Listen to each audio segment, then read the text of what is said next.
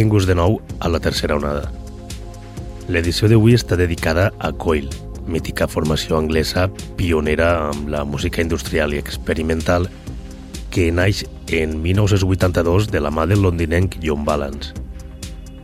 Únic component d'este projecte en un principi, ja que la idea era funcionar en solitari.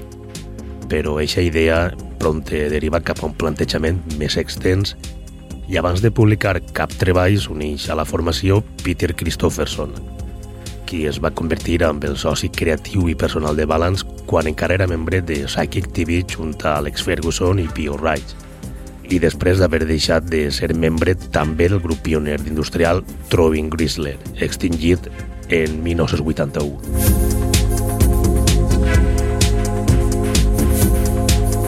Balance i Christopherson no foren els únics components de Coil al llarg de la seva existència.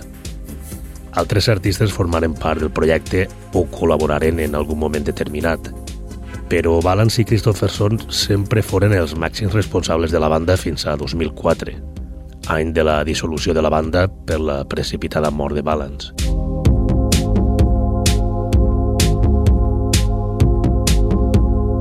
En 1984, Coil llança un primer àlbum anomenat Escatology de tall experimental industrial. El treball el publiquen al setxell Force and Form, plataforma creada per ells mateix on únicament llancen referències pròpies. Horse Rotorvator és un d'eixos primerencs àlbums que publiquen a Force and Form. Este en concret en l'any 87.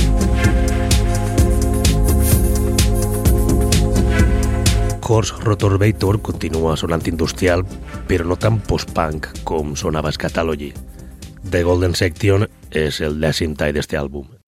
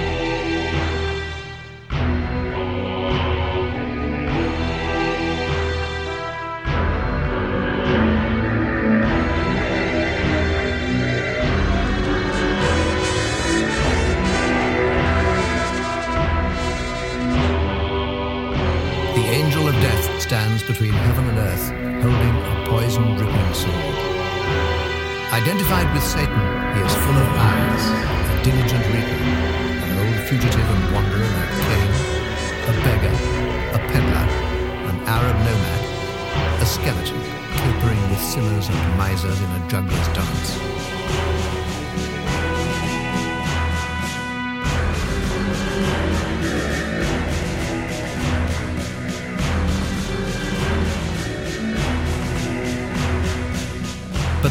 Irish angel presents a different face to the one who has died before death, or who has attained some measure of the apatheia of the saint. We are told that Azrael, death, appears to our spirit in a form determined by our beliefs, actions, and dispositions during life. He may even manifest invisibly, so that a man may die of a rose aromatic pain or of a rotten stomach.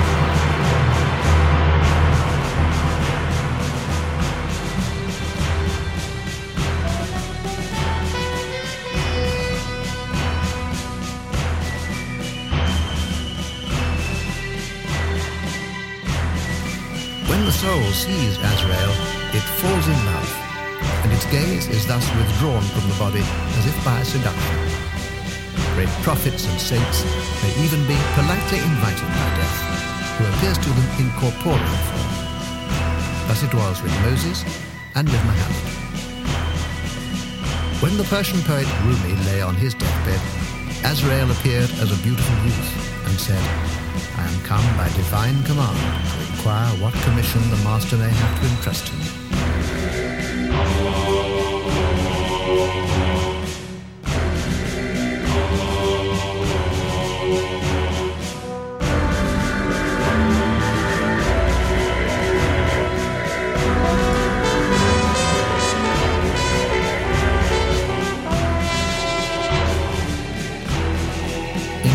strange connection becomes apparent between Moors and Amor.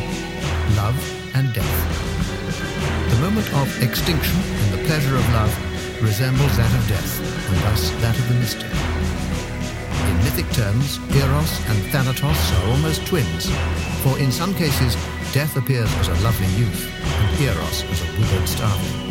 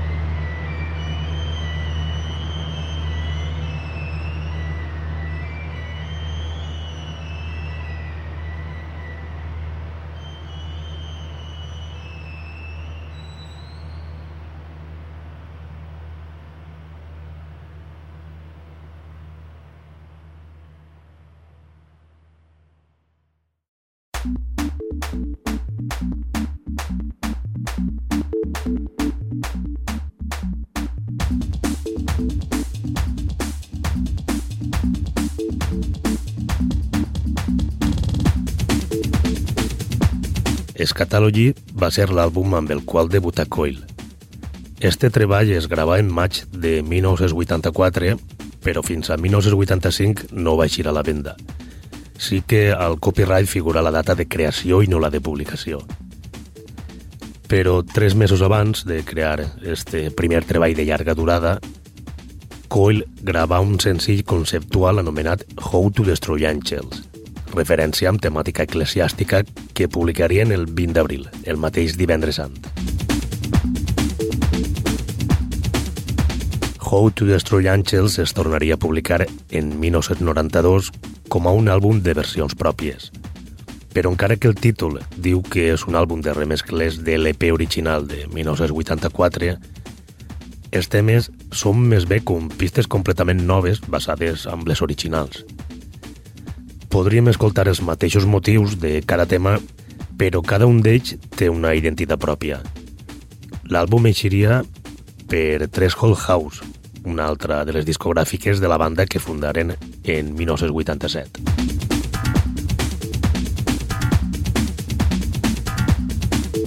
Per a la majoria del seu públic, este àlbum de versions millorava prou a l'original.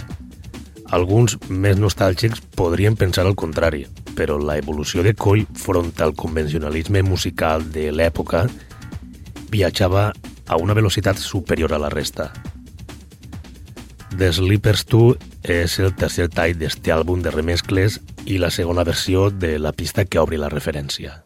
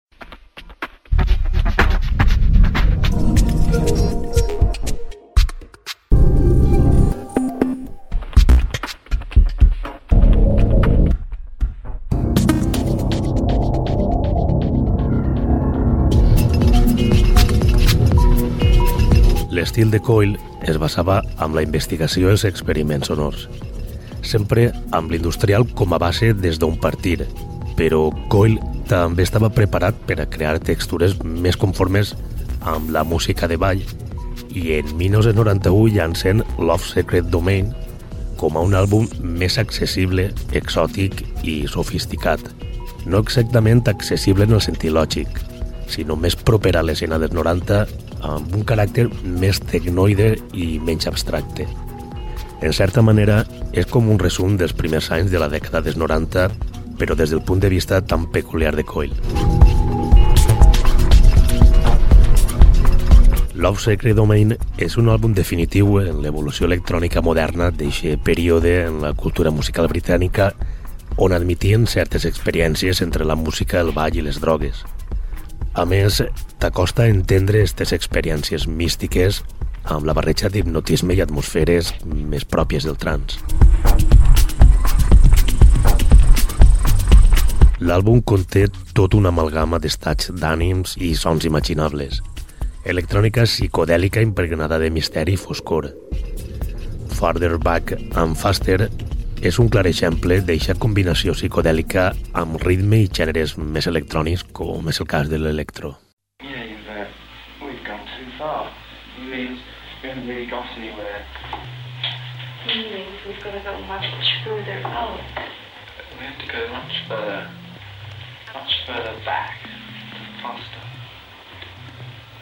Wait a minute. You've got the gift. Yeah. Special energy. Pulsating as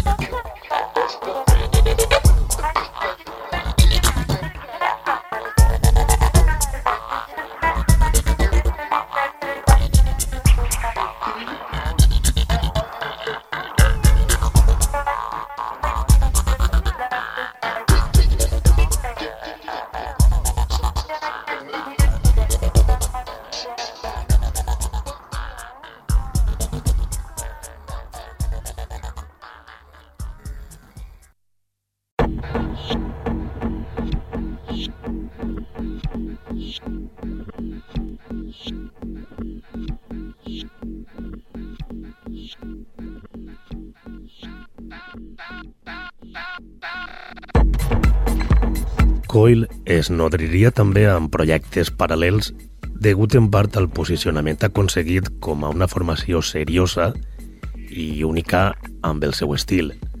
Fins i tot cridaren l'atenció de productors cinematogràfics i comencen a treballar en 1985 amb una sèrie de bandes sonores com la de la pel·lícula de terror Hellraiser, un treball que acabaren abandonant per la mala interacció amb els responsables de la pel·lícula i perquè el que volien era música de cine normal.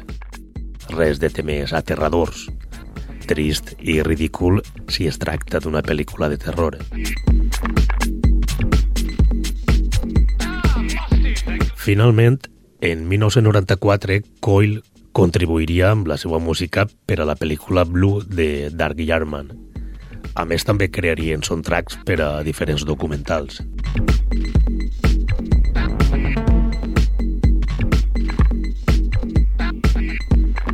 En 1993, Coil publicaria Backwards, àlbum que eixiria com a un casset promocional on avançaven les 8 primeres pistes per a este mai estrenat àlbum. Després, Nothing Records retocaria la referència i afegiria altres temes. Heaven's Blade encapçala les 8 pistes que eixiren amb el casset promocional. There's blood blood in the sun. But I'm not afraid. I cut myself with heaven's blade. Inside the wound, I found my wings and walked away from this human skin. I ask the earth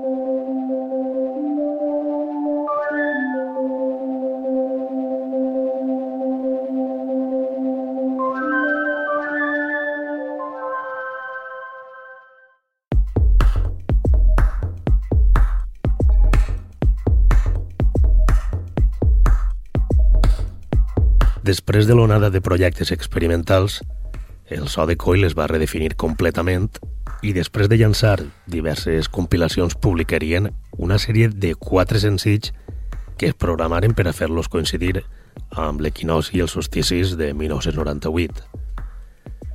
Poc després, en gener de 1999, firmarien un nou àlbum anomenat Astral Disaster on per primera vegada col·laborava Zig Paul Sandra com a nou membre de la banda.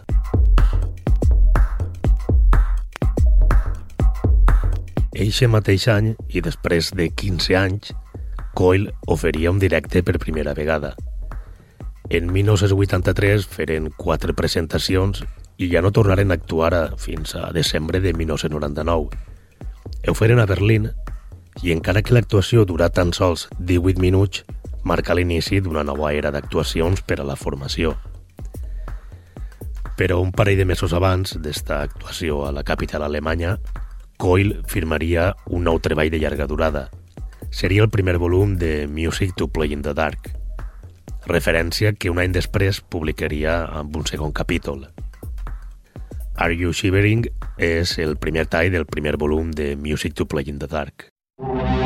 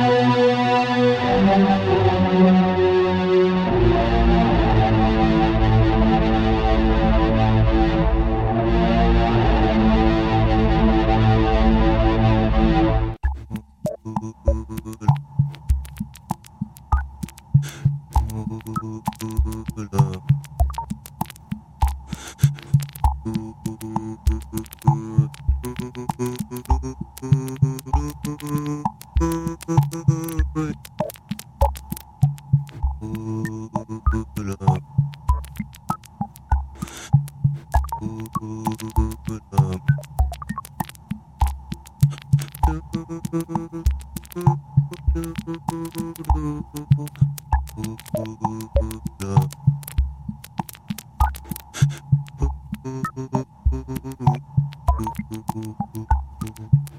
you.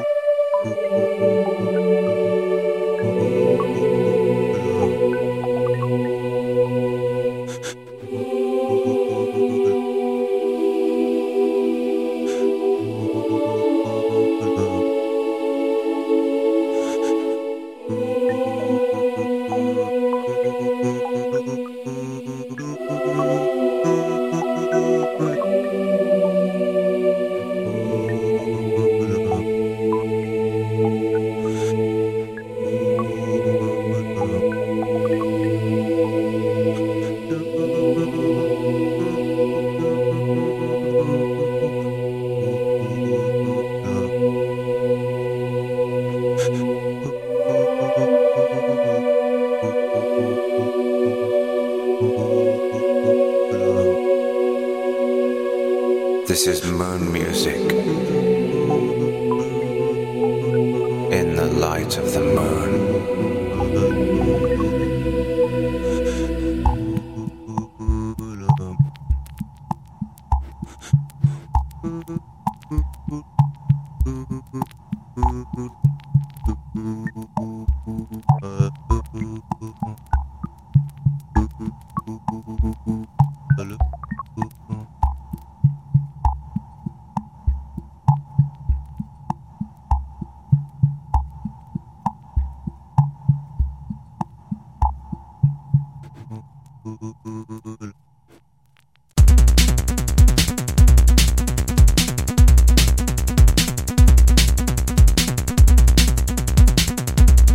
...2004 seria el final de la mítica banda britànica Coil.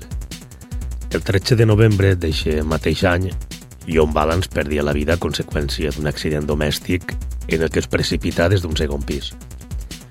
Christopherson anuncià a la web de Threshold House que Balance havia faltat i després de treballar amb l'àlbum que portaven entre mans, es posa oficialment fi a aquesta trajectòria de Coil. The Age of Naples es va llançar el 2 de desembre de 2005. Posteriorment s'han publicat treballs remasteritzats o amb noves versions, reedicions de rareses i de material rescatat. Però l'edició l'hem d'acabar amb l'últim treball amb el qual participa John Balance i de l'últim àlbum oficial de Coil escoltem l'últim tall, Going Up.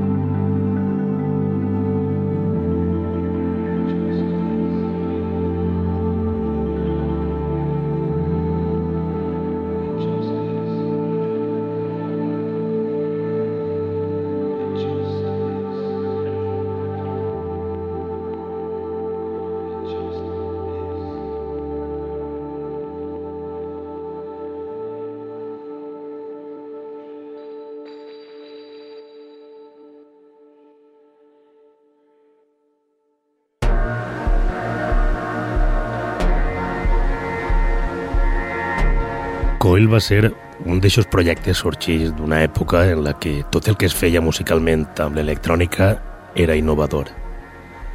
Però esta banda anglesa caminava quilòmetres per davant de la resta i s'aventuraven a investigar i experimentar amb el so i després, com no, a publicar uns treballs d'autèntica botxeria i que a dia d'avui són obres mestres. Una pèrdua irreparable, la de John Balance. Fins la pròxima edició de La Tercera Onada. Salutacions de Ximo Noguera.